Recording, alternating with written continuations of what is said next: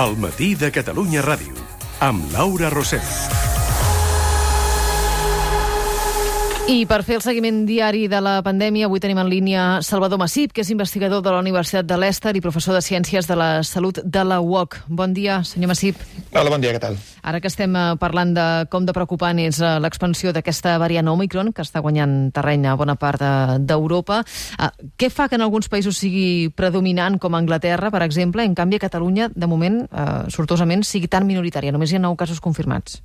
Uh, dues coses. Primera és una qüestió de com s'expandeix el virus. És possible que hagi entrat a Europa per al Regne Unit, uh, perquè és un, un lloc que està molt comunicat doncs, amb Àfrica, si realment ha sigut l'origen d'aquesta variant, però també hi ha el factor que els anglesos ho miren més. Els anglesos tenen una capacitat de mirar variants que no té Catalunya ni té la major part dels països, per tant, pot ser que tinguem més Omicron a casa nostra de la que, de la que veiem. I acabarà sent predominant a tota Europa, aquesta variant? Pel que sembla, les dades eh, suggerien que sí. O sigui, estàvem esperant a veure què passaria quan arribés a Europa, perquè, òbviament, eh, el que estava passant a Sud-àfrica era particular d'allà, és un país amb una demografia molt diferent a, a l'europea, eh, clima diferent, tot molt diferent. Eh, a Anglaterra, per això sí que és un, un país que s'assembla més al nostre, i el que estem veient en aquests moments és que eh, l'Omicron ja és un 20% dels casos, i està pujant molt ràpidament. Això sembla indicar que s'està menjant el terreny a la Delta. Queda encara temps per veure, perquè això podria la Delta reaccionar, diguéssim, eh, i, i a recuperar la, la posició, però tot sembla indicar que a la velocitat que està anant tindrem l'Omicron dominant segurament en les properes setmanes. Abans de finals d'any? Possiblement, i sobretot tenint en compte doncs, que ens ve ara un augment de, de, de casos segurament eh, degut a la festa de, de Nadal, perquè hi haurà més, més contacte, evidentment, serà difícil evitar-ho, no tenim eh, gaires restriccions eh, eh, en alguns països europeus, i això, sens dubte, facilitarà doncs, que possiblement el ritme que va eh, comencem l'any amb eh, tots eh, plens d'Omicron per tota Europa. Per tant, eh, ens queda clar que es contagia molt més, que és molt més eh, ràpid en l'extensió d'aquesta variant Omicron. És també més perillosa, per això?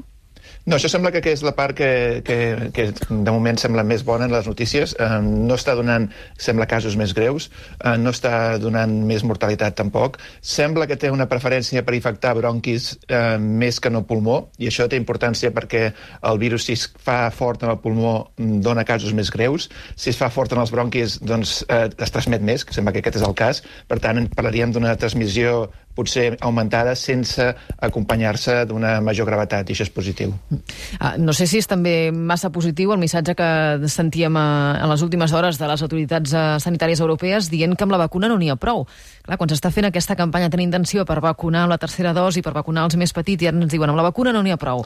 Això com ho hem d'entendre? Això és sí. important. Sí, sí, no, és molt important que, que recordem, que, que ho hem de recordar des del primer dia, que amb la vacuna no n'hi ha prou. Uh, però no n'hi ha prou ni amb la, per l'Omicron ni amb la Delta ara mateix. Estem veient aquestes pujades que tenim actualment, hem tingut aquestes últimes setmanes, han sigut per la Delta, i malgrat estar molt ben vacunats, estem, estem costejant molt.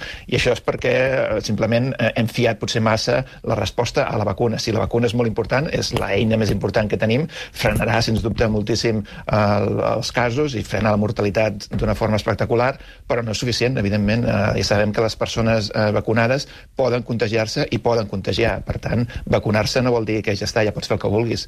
Vol dir que tens un risc molt menor d'acabar a l'hospital, i això és molt important, però també participes de la cadena de transmissió. Per tant, si volem dominar les corbes, volem controlar la infecció, el que hem de fer és vacunar-nos tots ràpidament, evidentment, terceres dosis, vacunar nens, intentar tallar el camí al virus el més que puguem, però no oblidar la resta de mesures, mascareta, distància, tests, etc eh, etc. Tot això segueix en peu i seguirà en peu fins al final de la pandèmia, perquè si no en fem cas, passa el que ha passat a Europa aquests dies, que és que els casos comencen a pujar.